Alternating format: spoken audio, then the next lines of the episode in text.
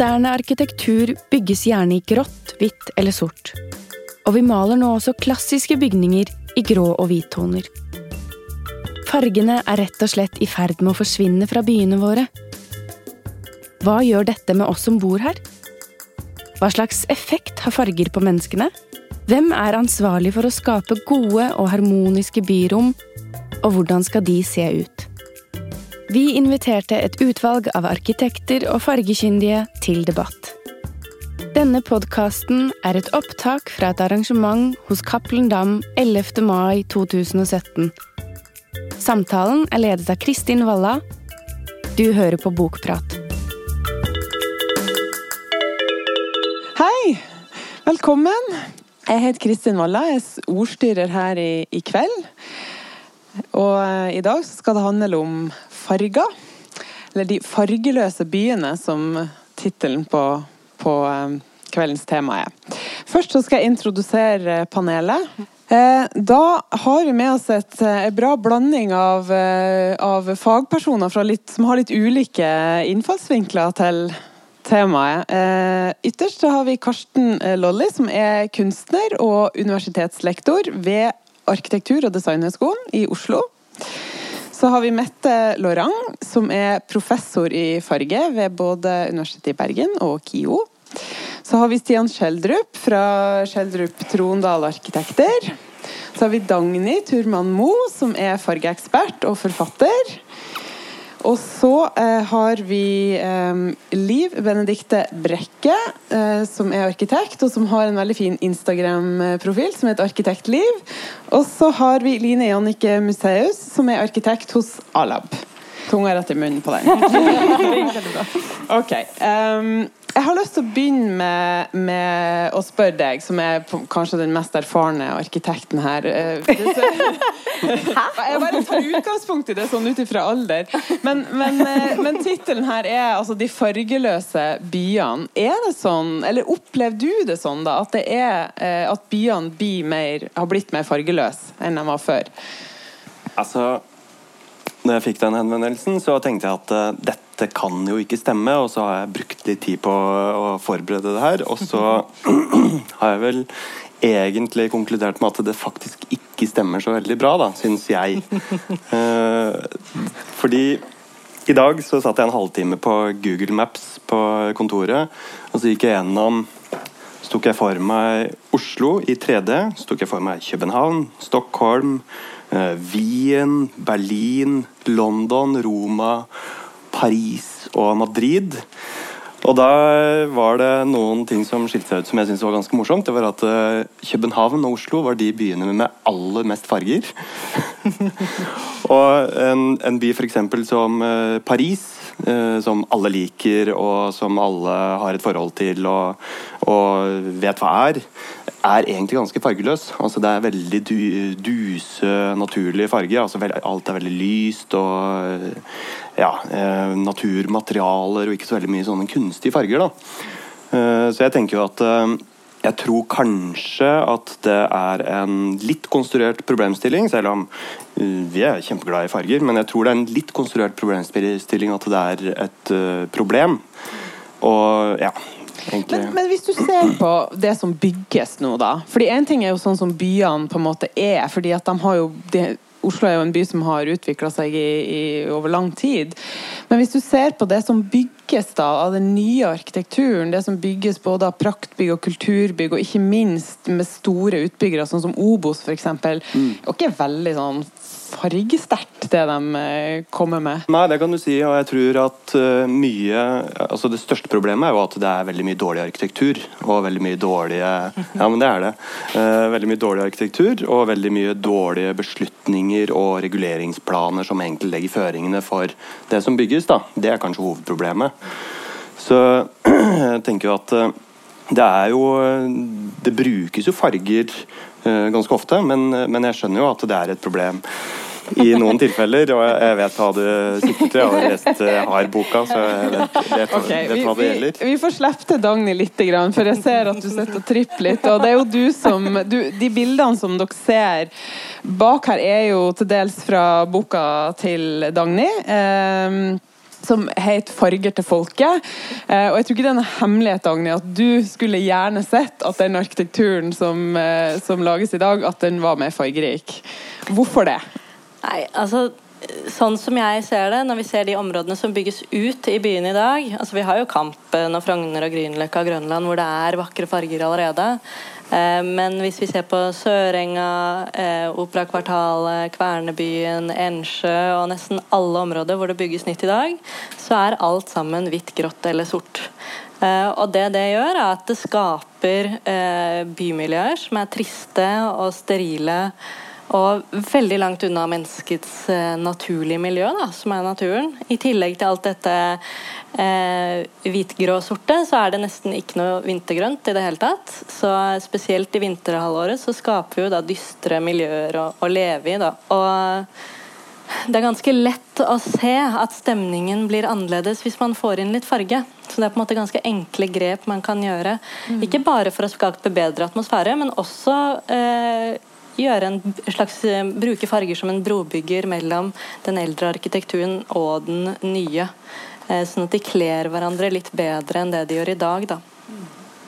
Jeg kan gå videre til sidemannen din. for Liv Benedicte Brekke, du, På Instagram-kontoen din så legger du ofte ut bilder av bygg med farge. Ja, det har blitt sånn. Eh, ja, det blitt, hvorfor har det blitt sånn, tror du?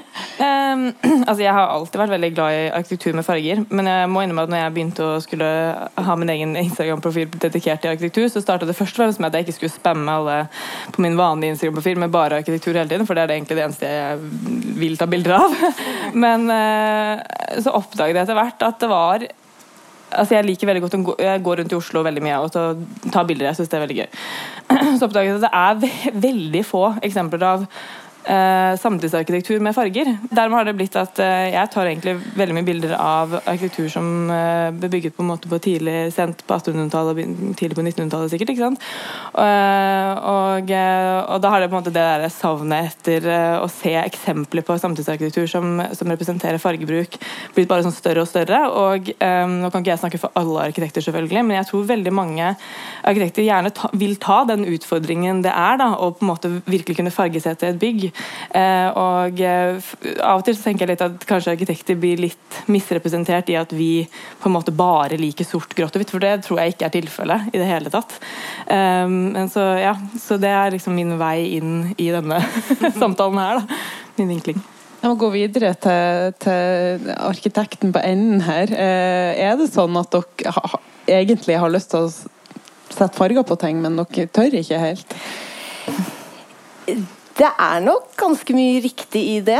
Eh, jeg må innrømme at um, vi har jo snakket litt i forkant om, det med utdannelsen, arkitektutdannelsen. Og vi får jo ingen undervisning i fargebruk. Um, rett og slett. Sånn er det. det er. Jeg har gått på Arkitekthøgskolen i Oslo og fått mye god tegneundervisning. Men farge var ikke en del av det.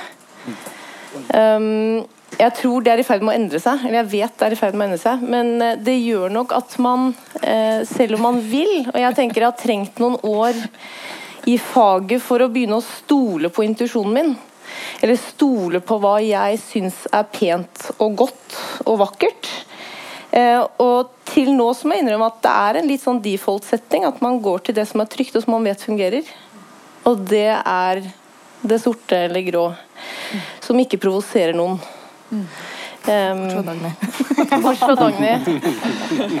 eh, men nå er jeg litt sånn eh, Så jeg er veldig glad i farge, men fortsatt vi er i startgropen på det. Nå, vi ja, kommer sikkert tilbake til det med utbyggere og hvor utrolig tungt maskineri det er. og ja, det, det, må snakke, det, må vi snakke, mer om. Men jeg, jeg går litt til, eh, over til utdanningsinstitusjonene her. For eh, Karsten Lolly, altså Her blir det jo sagt at det blir ikke gitt undervisning i noe fargelære på Arkitekt- og designhøgskolen. Ja, det er riktig det. Hvorfor er det sånn? Ja, det er eh, Det er egentlig vanskelig å svare ganske kort på. La oss si det på den måten at jeg savner selv i hvert fall en slags, konst, altså en slags inngang til farge som et konstruktivt element, egentlig likeverdig med alle de andre fagområdene som arkitekter må lære noe om. Og det er jo altså, det er Det å bli arkitekt er ut, som Jeg skal ikke fortelle de det, men det er jo utrolig mange forskjellige fagområder. Og jeg tror øh, ja, altså jeg tror man veldig lett liksom, Farge er noe som kommer til slutt i en, i en slags generativ, altså en kreativ prosess, da, eller i en, i en skapelsesprosess fram, fra idé til et bygg. Da. Så er det det siste som kommer på, og da håper jeg at noen motsier meg. Uh, ja, kom, og fyll opp. Vær så god. Nei, jeg er ikke helt enig i det. Altså, jeg er enig i én ting, og det, jeg kan faktisk ikke huske én dag på skolen hvor vi hadde om farger, så det stemmer nok sannsynligvis. da. Men, eh, men, jeg har i hvert fall hatt en interesse for farger og materialer også når vi gikk på skolen. Altså at det er på en måte en sånn naturlig del. Så jeg tenker at uh, mye av det kommer litt av seg selv. og det er som en del av dannelsen, da, eller sånn på en måte det som foregår Men hvor rundt. kommer det inn? Altså Når du ikke fikk det på skolen, da fikk du et annet sted? Det vet jeg ikke. Kanskje når jeg har vært på befaringer, eller på, på studieturer og på museer, og mm. fra kunsten f.eks. Ja, ja. vi, ja. vi, gir ordet til fargeprofessoren, for Mette Lang, du underviser jo faktisk i eh, fargelære. Ja, jeg må jo si at jeg underviser faktisk også på Arkitekthøgskolen, men det er på design. Mm. Mm. Eh, industridesign.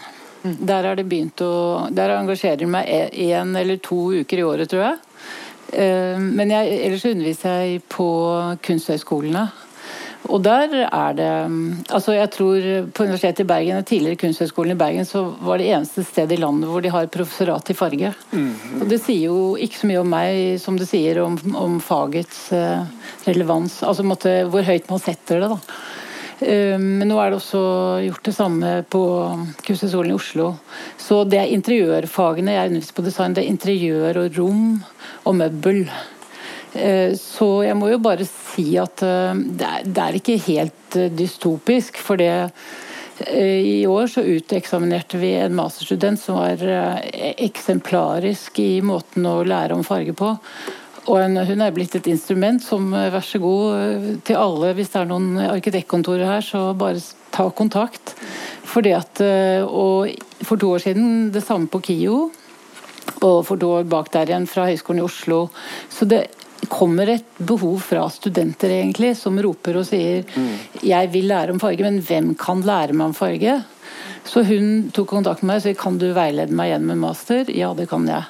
Så du vet at det, kommer jo liksom Men det må være kompetanse på skolene, da. Det må jo det. Mm. Dagny, eh, hva Jeg tenker jo at um, det jeg har lyst til å kommentere, for jeg holder jo en del kurs og foredrag og så blir leid inn på enkeltprosjekter hos arkitektkontorer, det er jo at det med farger kommer ikke av seg selv. Uh, det jeg opplever i på hvert eneste kontor jeg har vært på, er en så stor angst for det å velge farger. Og angst for å velge feil farger, og at man ikke vet hvordan man skal velge den fargen man ønsker å ha på veggen. altså Man er redd for at den blir annerledes når den kommer opp pga. påvirkning av lys. Og sånne ting. Eh, og man vet ikke hva hovedfarge er, aksentfarge, kontrastfarge, hvordan disse tingene eh, eh, forholder seg til hverandre på et bygg. Um, man kan rett og slett ingenting, da. Og det føles litt sånn absurd, fordi eh, mennesket ser jo farge før form, eh, og, og, det setter så Altså det er en så utrolig stor del av den stemningen og miljøet som bygget skaper. Mm. Eh, at, det, at, det, føles veldig merkelig at det ikke er noe man lærer på fra første år. da. At man må være på mastergradsnivå. Ja, jeg tenker at man nesten kommenterer det litt, fordi um jeg tror man må tenke teamwork. Altså jeg tror det, altså det Jeg er jo arkitektutdanna sjøl, og jeg tror det er så store krav som settes i dag til arkitekter når det gjelder bærekraft. Det gjelder tech, ditt 17 og 10 og alt mulig, og det er eh, universell utforming. Og de, man strever så fælt med å få disse byggene i land. I hvert fall større bygg, da, og jeg snakker ikke enboliger. At um, det blir en salderingspost. Og jeg tror du må begynne å tenke at um, jeg må kontakte noen som kan noe om farger. Enten det er Dagny, eller om det er meg, eller kunstner, eller Karsten, eller hvem det er. Men man må rett og slett se på det som et fag. Eh, du må ha en konsulent, du må ha en som tar tak i det for deg, på lik linje med VVS og, og elektro. Altså. Jeg mener virkelig det. Det er den eneste måten å gjøre det på. Og du ser på større internasjonale spydspisser innenfor arkitektur. Eh, De har med seg en designer på farge og kunst, de har med seg en kunstner. Det er teamwork all the way. Men arkitekter må jo kunne sette farge på et bygg selv også. Ja, det må de, men eh, jeg tror man må liksom også Det blir liksom litt feil å bare si at de må lære det, de må lære det. Men kjempebra hvis de får det inn i skolen. Det Jeg gir absolutt- ordet litt tilbake til arkitektene, og så til deg, eh, Karsten Molle. Ja, jeg eh, bare tenker på en sånn vanlig arbeidsprosess eh, på kontoret. Jeg jobber da eh, mye med boligprosjekter, men på en litt større skala. Eh, og for utbyggere. Så det er ikke det er rekkehus, store rekkehusområder og, og leilighetsbygg osv. Uh, og jeg kan eh, fortelle deg at Hvis jeg hadde kommet og sagt at jeg skulle innhente en ekstern konsulent for å fortelle meg hvordan jeg skulle fargesette, Ja. så hadde jeg blitt møtt med et hånflir, for det er det overhodet ikke satt av penger til. ja, ja, men det, altså, Så, ikke, så jeg ikke tenker nå, at nei. Da må man jo opp på et eller annet sånt reguleringsnivå, da. Eh, hvor, man, eh, hvor man legger, setter krav til. At, at fargesetting skal være en del av Ja. prosjektet. Jeg tror du må inn der. Akkurat som man stiller masse krav til, til uttrykk eller eh, kvaliteter eller Ja. høyder eller avtrykk og Ja, du sånn. må inn på det nivået. Mm. Det tror jeg også. Karsten Olli, hva skulle du Jeg bare veldig, sitere veldig kjapt til det sveitsiske-amerikanske paret arkitekter, Shigon Goyer, som sier at de trekker inn kunstnere helt fra dag én i prosjekter. Det er en del av øh, og, Men og, bare sånn litt til deg, Dagny, fordi jeg tror de, de kan mye om farger fra før, men de vil gjerne bruke en kunstner i tillegg for å ha en slags dialog, sånn som jeg oppfatter det, sånn som de beskriver sine, sine prosesser, da, for å si det sånn. Og, og du må jo kunne noe altså, Er ikke liksom arkitekter litt sånn øh, jack of all sorts Ja. og master of something All big over det? På en eller annen måte. Det vil si at du kan, det er, altså, du kan jo ikke alt om teknologi, du kan ikke alt om øh, altså, strøm, Elektro. hva som helst. Du, men du, du kan nok til å spørre gode spørsmål, og jeg tror på en eller annen måte Jeg tror det handler litt om det, da. Ja, jeg tror også. Men eh, la oss snakke litt om altså, eh, de store utbyggingsprosjektene som skjer nå. Eh, altså Ikke bare i Oslo, men eh, jeg var akkurat i Tromsø, og der skal det bygges ut masse. og Det, det er jo sort og grått og hvitt, det også. Hvis du ser på, på alt som bygges ut i Oslo nå, så er det ser ganske likt ut, mye av det, og, og, og, og ganske ensarta i fargene. Da. Hvordan eh, opplever dere som er arkitekter det å eh, være i dialog med liksom, de her store utbyggerne som Obos og Selvåg? Hva, hva er deres inntrykk av deres syn på, på det vi diskuterer nå, det med farger? Ja, eh, ja da, først og fremst er det jo utrolig stor forskjell på utbyggerne. Det er noen som er kjempeinteressert i å bruke ekstra tid og krefter og penger på å gjøre noe veldig bra og annerledes og tilføre kvalitet.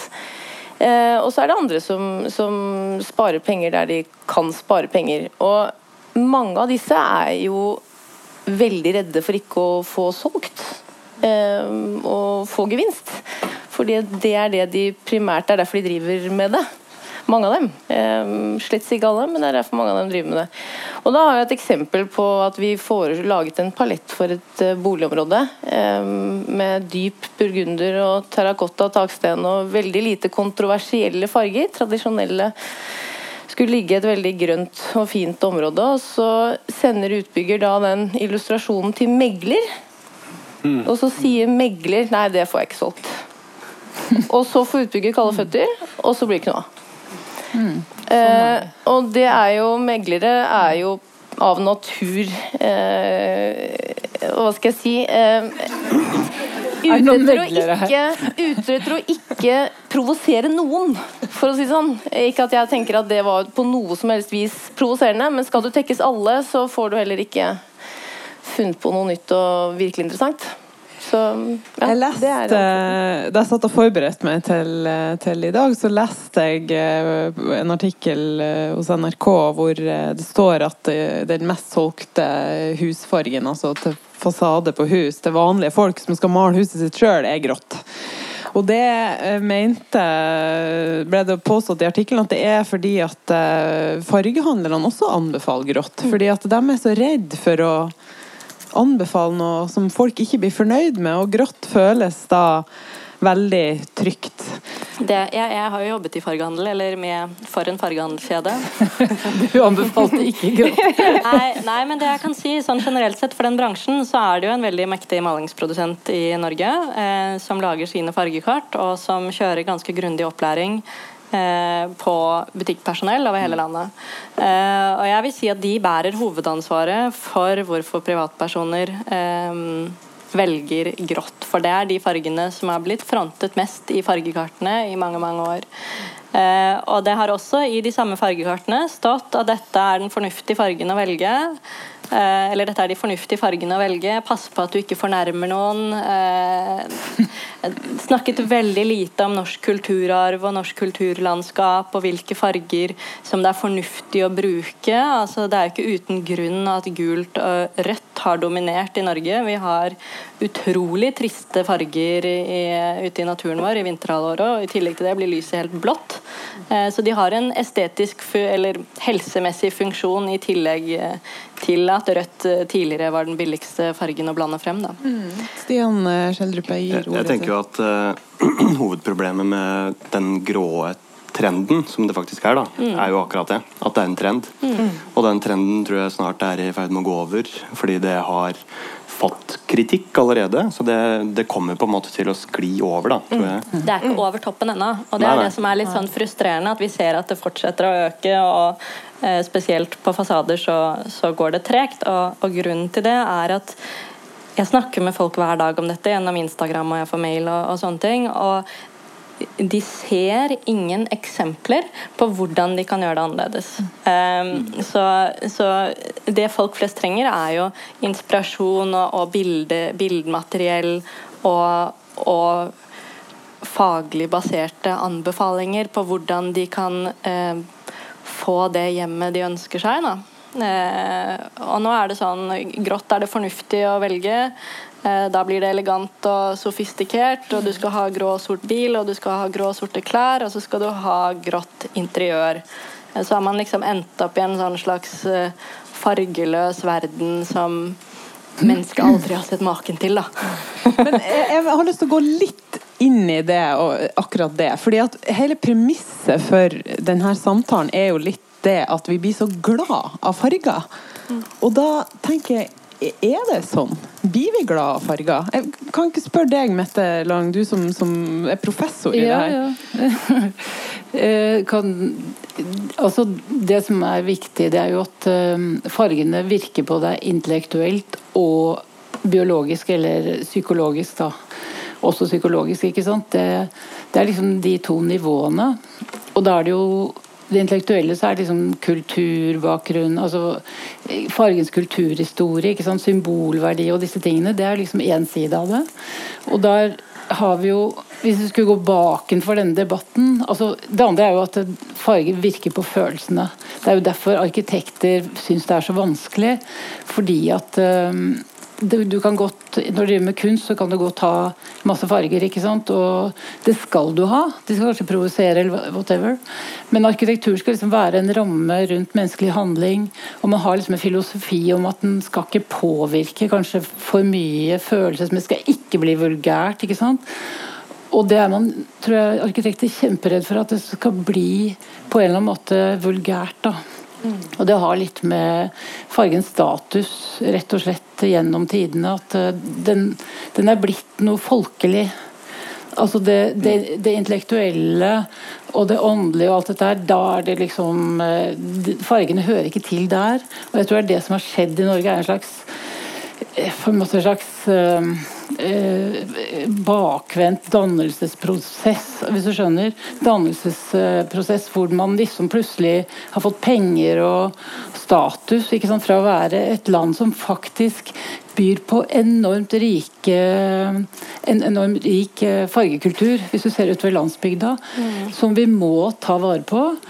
Og du kan se på gårder, du kan se liksom overalt. Det er enormt flott fargekultur. Um, og nå skal vi liksom på en måte kvitte oss med det, for det er liksom noe folkelig. Så jeg tror vi kommer til å, kommer til å bli en slags metamorfose. Og som du sier, at ja, det er en trend. Det er en slags hvis vi ser positivt på det, så er det nesten en sånn metamorfose fra noe sånn folkelige greier til en fargekultur som kanskje er mer elevert. Absolutt. Eh, da blir det jo spennende. Så kanskje vi bare må altså Jeg begynte på Kunstakademiet, så, begynte, så forsvant alle fargene mine. Eh, ja, helt sant. Jeg, de forsvant. Jeg var så fargerik som bare det. Forsvant, begynte å male grå bilder. Og da sa Ja, og da sa professoren til meg at jeg tror du, du må gjennom det mørke for å få tilbake fargene på en ny måte.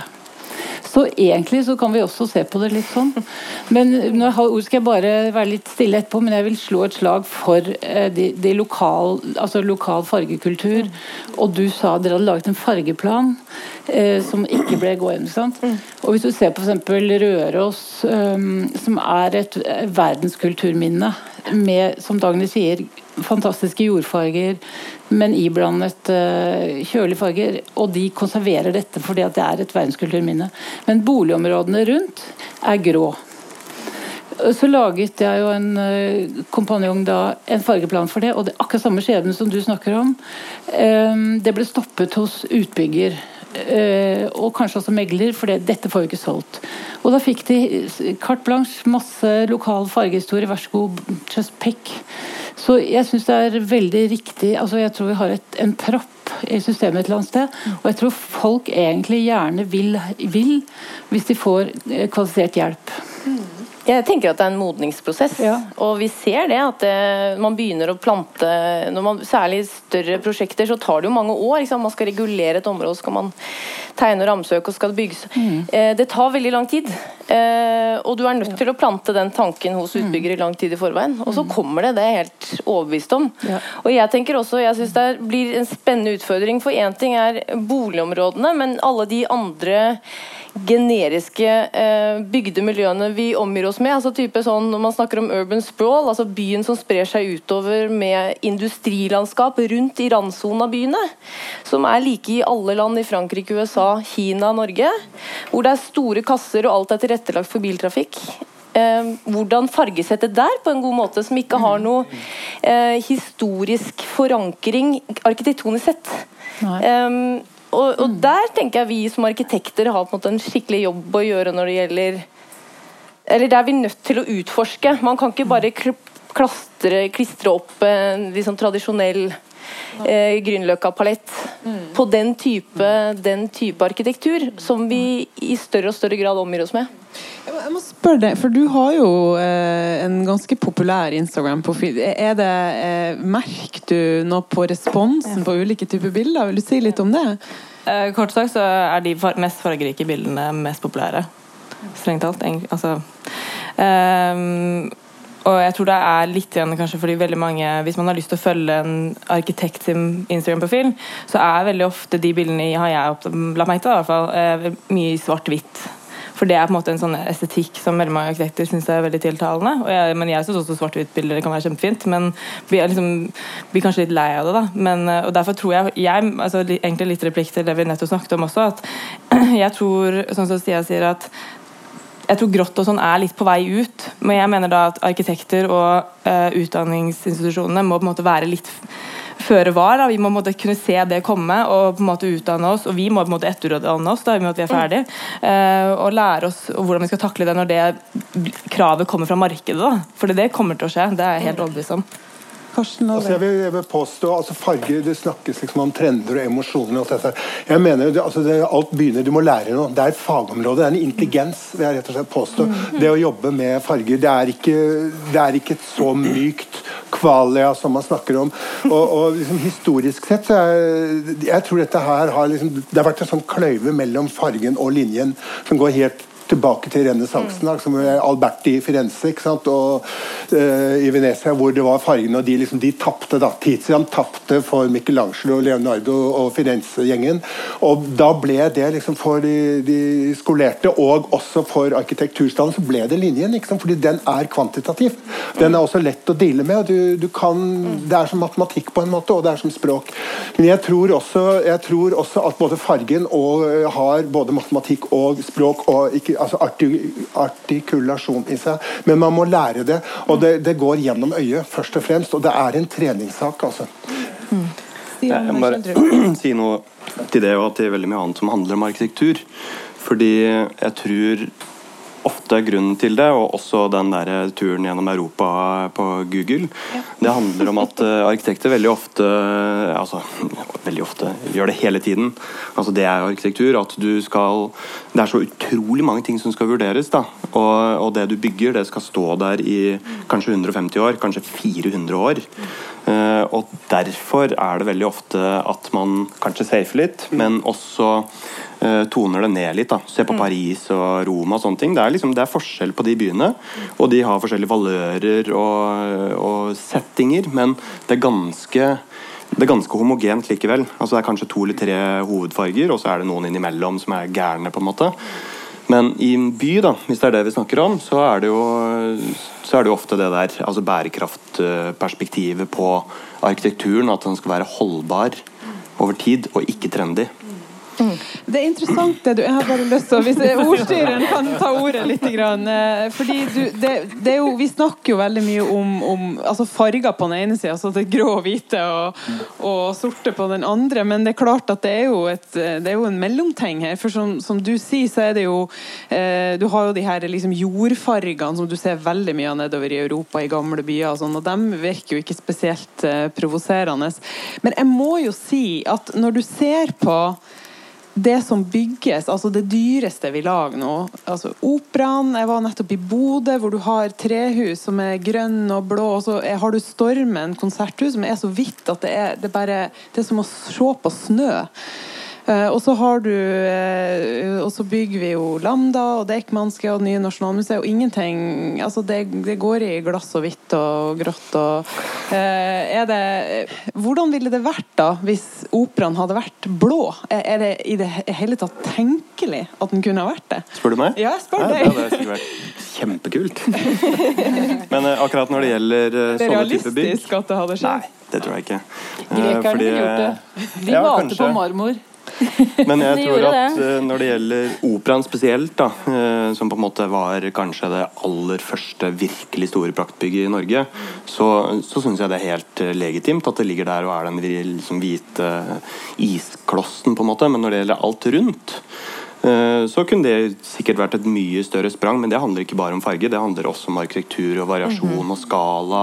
Hva som foregår på gateplan. Det som egentlig handler om by og arkitektur, som vi ikke snakker om nå. Mm. Som jeg mener at er er mye større, en mye større utfordring enn om det er farger eller mm. ikke.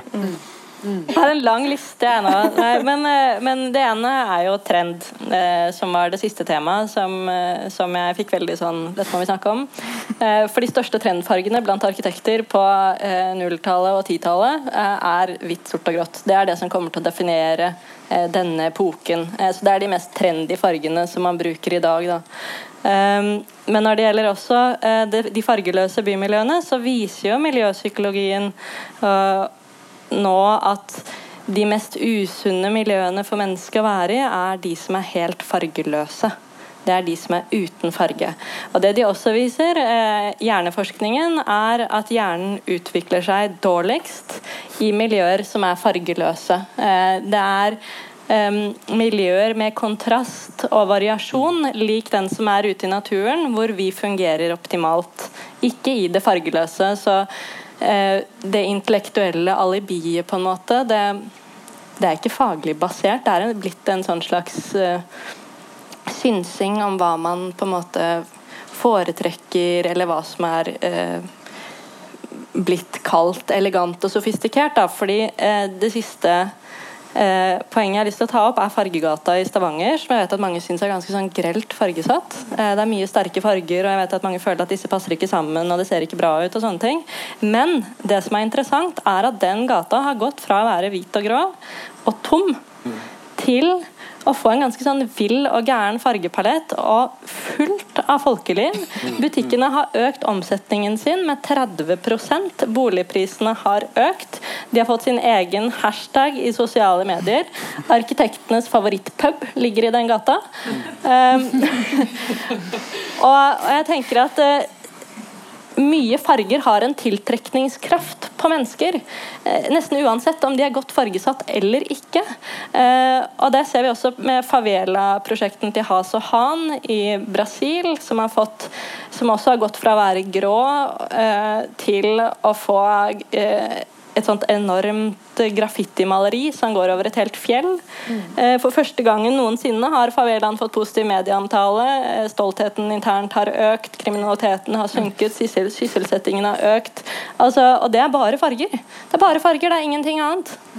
Eh, Og hvis vi ser på de spesielt fargerike byene rundt omkring i verden, som også er elegant og sofistikert fargesatt. Eh, sånn som Cinque Terre i Italia, du har Bocap i Sør-Afrika, det er flere byer i, Sør-Amerika. Så flokker vi jo dit.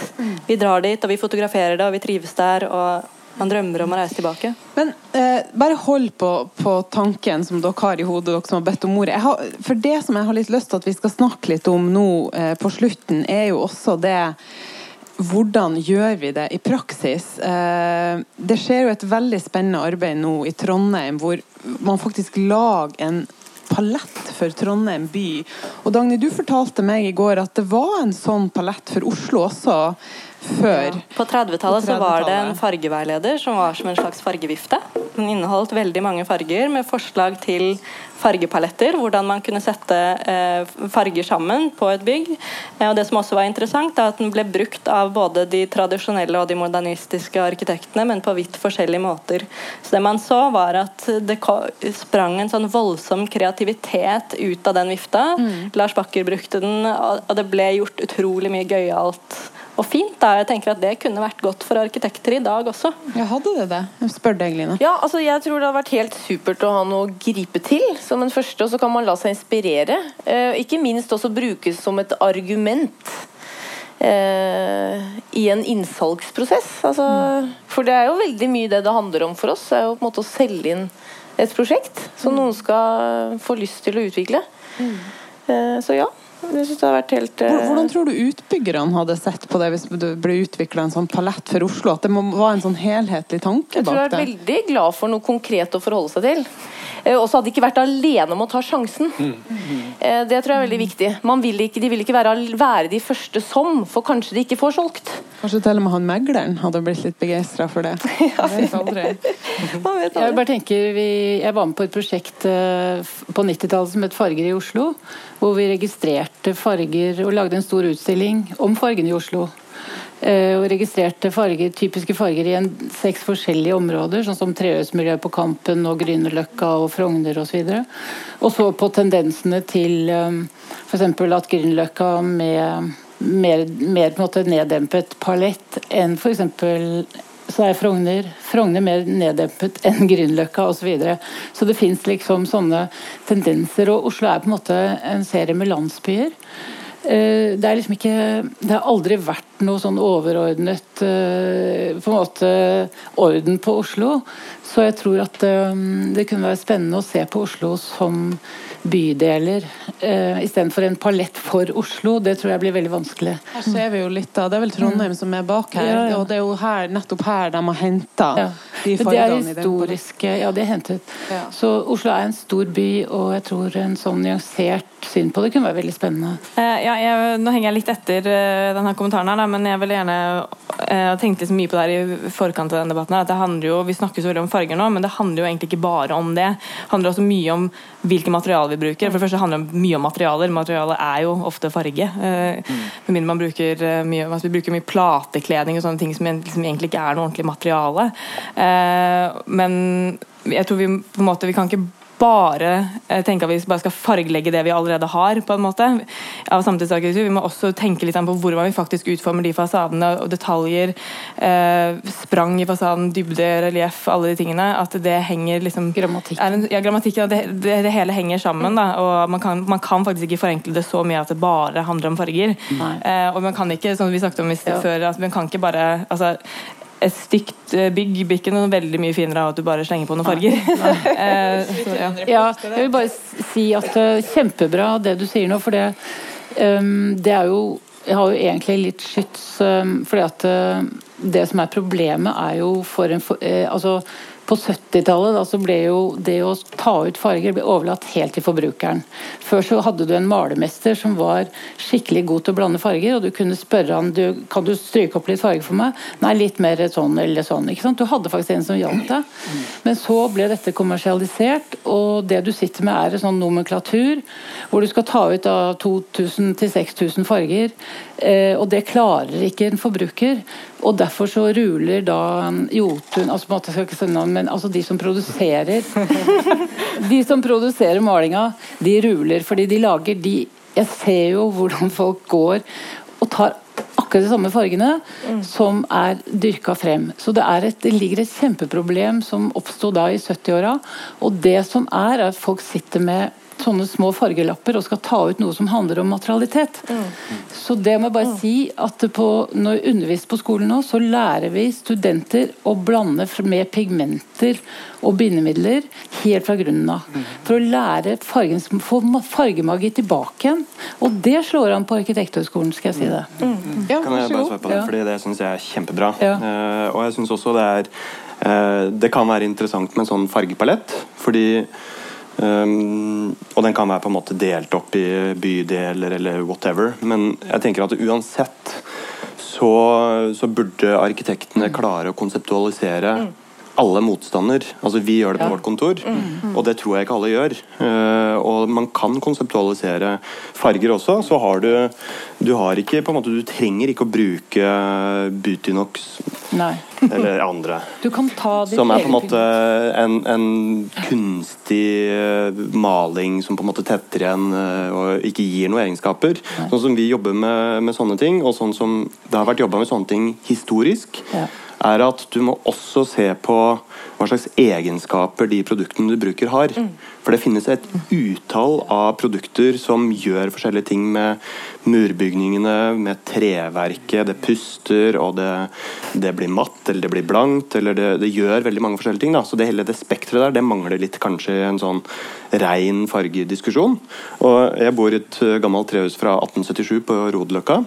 Det har alltid vært hvitt. Det er fremdeles hvitt. Det er linoljemalt. Det, vi, vi, måtte bytte panel, men det hadde stått på i 120 år. Og det var helt intakt. Det var ikke noe mm. råtskader.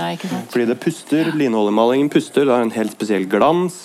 Og, og den biten, og, og, ikke minst, så har Rodeløkka hatt en fargepalett. Og den paletten er litt sånn Uh, litt dus og litt Det er ganske mye farger, men det er også ganske sånne nøytrale farger. da så jeg får litt sånn hetta av sånne Stavanger-prosjekter, ja. som er sånn anarkiprosjekter. da. Mm. Kanskje ikke det er noe bevaringsføringer der, men, men på Rodeløkka så er det det.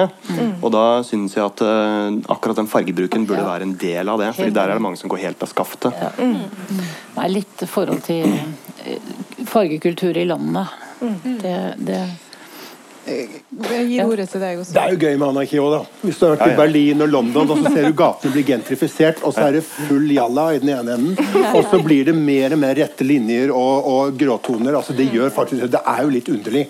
Og jeg tenker at det er noe i utdanning til arkitekter som mangler, rett og slett. Jeg bare kaste ut den brannfakkelen. Og jeg mener du har En form er ikke uten farge, og en farge er ikke uten form. og Dette henger så i hop sammen. Og, og, Den diskusjonen, særlig med rom og farge, er egentlig en veldig vanskelig diskusjon. Men det er en diskusjon som er altfor lite berørt. Altså, rett Og slett. Og det er et kjempetema. Jeg vet ikke hvordan du gjør det, og hvor du får tid til det. men det burde vært mer. Akkurat det jeg hadde lyst til å komme inn på. Hvordan skal vi lære arkitektene da? Å bruke farger. Og jeg mener Jeg, jeg gikk på skole i, i London, og uh, vi hadde overhodet ikke noe fargelære som et fag, men vi hadde jeg hadde til, liksom litt tilfeldigvis noen lærere som var veldig interessert i farge. Så vi bare snakket om det på en måte i studio, som, hvor du var på en måte strengt tatt hele tiden. Så jeg ser liksom ikke sånn veldig stort problem i å føre inn det, bare det å snakke om farger i skolen. Det behøver ikke nødvendigvis å ta så sinnssykt mye plass. selv om Jeg skjønner, jeg har jo vært gjennom studiet selv, jeg vet jo hvor forferdelig det kan være til tider. og liksom, du skal, måte, du skal, gjennom så mange forskjellige ting, men, men det, bare så lenge det er en samtale som fra starten av som på en måte ulmer, og som på en måte gjør, for det, som du sier, det er en modningsprosess, man må på en måte få tid til å forstå seg på det. da. Det er noe med å lære seg ABC-en, og så trenger du ikke å tenke så mye mer på det. Mm. Fordi vi, alt vi setter opp, har en farge. Eh, bruker man tegl, så har den en farge. Bruker man glass, eh, altså, eh, glass verandarekkverk, har et grønnskjær. Eh, og så skal du ha noen, kanskje noen trefelter. Hvis du tar den klassiske nybygde boligblokken som føres opp i Oslo nå, da, så ser den gjerne sånn ut. Den har litt sånn litt sandfarget tegl, og så er det noen mørkebrune trefelter, og så er det de glassrekkverkene.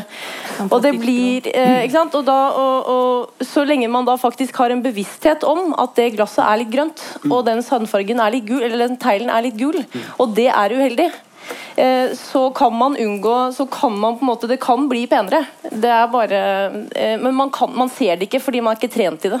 Men det er veldig basic undervisning som skal til, og så er, går det av seg selv, tenker jeg. Mm.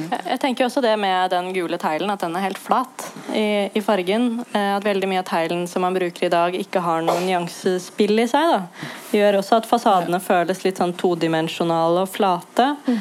Eh, og at eldre tegl hadde mye mer rikhet i seg. Da. Og det er fullt mulig å få tak i den type tegl i dag også, men at man prøver å gi overflatene litt dybde. da. Den er dansk. Ja. Den teglen er dansk. Den gule? Nei, den fine. Den fine, ja. Okay. Koster jeg, hadde, jeg hadde lyst til å være den som kjemper litt for den utdanningen. Da, og jeg vil bare også føye til at jeg tror man det nytter ikke liksom i dag å komme med Man må ha en kontemporær fargeundervisning. Mm. Man kan liksom ikke ta Bauhaus og, og Ittens fargesirkel og holde på med det der. Mm. Men eh, det er greit nok, altså, men det, de, skjønner jo, de skjønner jo hva komplementærfarger er og sånt noe. Men det, det som er faktisk eh, en brannfakkel som jeg har lyst til å kaste ut, det, er at industrien, måten industrien blander farge på De blander i forhold til det som heter NCS-systemet. og det vil si at eh, De bruker svart og titanhvitt i malinga. Og begge deler lobotomerer fargekvaliteten. fargekvaliteten. Sånn at eh, det som er min store tese i fargeundervisningen, er at vi skal komplementærblande. Dvs. Si vi skal dempe grønt, så bruker du rødt så demper du fargen på en levende måte. Og hvis de lærer seg og, og liksom Vi har jo to ukers workshop på Kunsthøgskolen hvor vi henter inn alt som fins av muligheter av bindemidler og, og pigmenter, og sier ok, du skal, du skal ha noe på det møbelet. Vi finner en kinesisk treolje som er veldig bærekraftig, blander med et pigment, så ser de at det er mulig. De trenger ikke å gå og kjøpe det produktet som er giftig og alt mulig. De kan kjøpe bærekraftige bindemidler, bruke pigment, gjøre det selv. Et møbel er jo kjempelite. I hvert fall i utgangspunktet, men så kommer det av masseproduksjon osv. Da blir jeg veldig nysgjerrig. Ja. De her malingsprodusentene, hvorfor gjør de det sånn som de gjør for det hele, alt er regulert av NC, som er norsk standard. Det er eh, europeisk standard snart. Og det er den måten de blander på. Eh, så det er rett og slett en katastrofe. Eh, Nå er, nå er si jo, sånn. har, vi har ikke invitert dem hit, så vi skal ikke være altfor harde Men, Men her. de skulle gjerne ja, men for å si det sånn, det må jeg si. Det er ikke NCS-systemet, for det er et utmerkesystem for referanse og, og for å se hvor farger ligger i systemet. Men det er ikke et materielt system, det er ikke et blandesystem. Det er ikke egnet for det. Og det er hele miseren da det kom på 70-tallet og folk ble maktesløse av hele det systemet. Så vi må tilbake til grunnen. Og Sverre Fehn sa det må jeg også si, han sa 'jeg er ikke noen fargemann'. Og husk på Sverre Fehn ruler arkitektstanden. 'Jeg er ikke noen fargemann', sa han.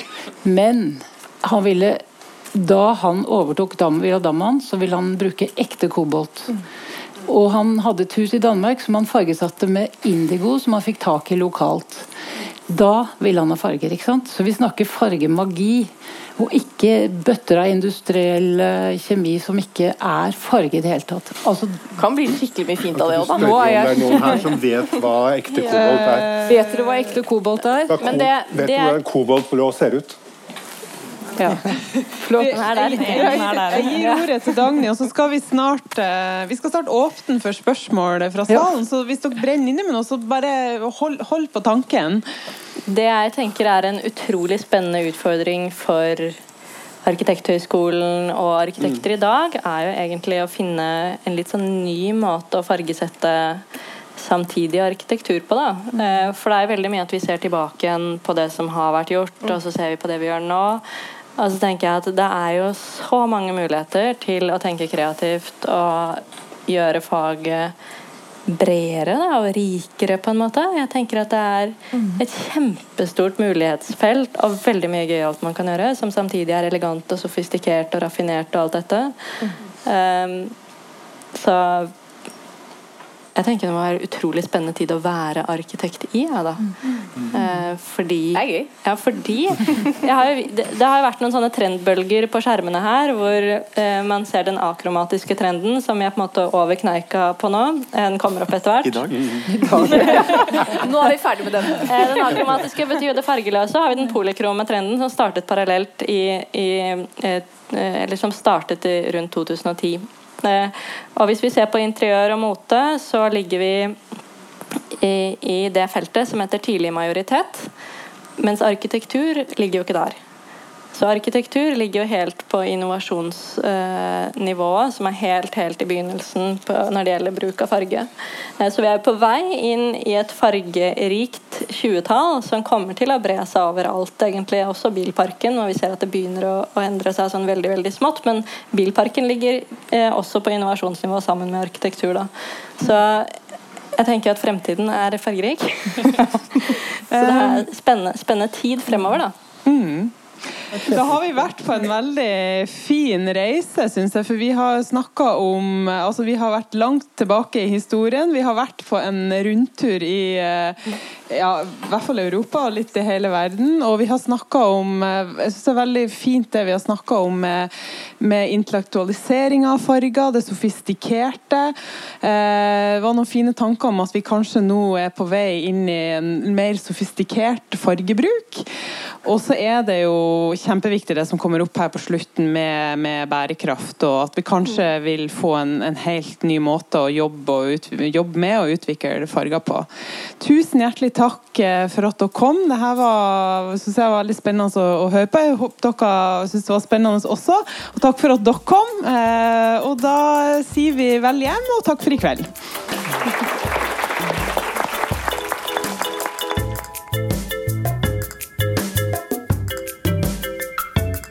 Takk for at du hørte på Bokprat, en podkast laget av Cappelen Dam.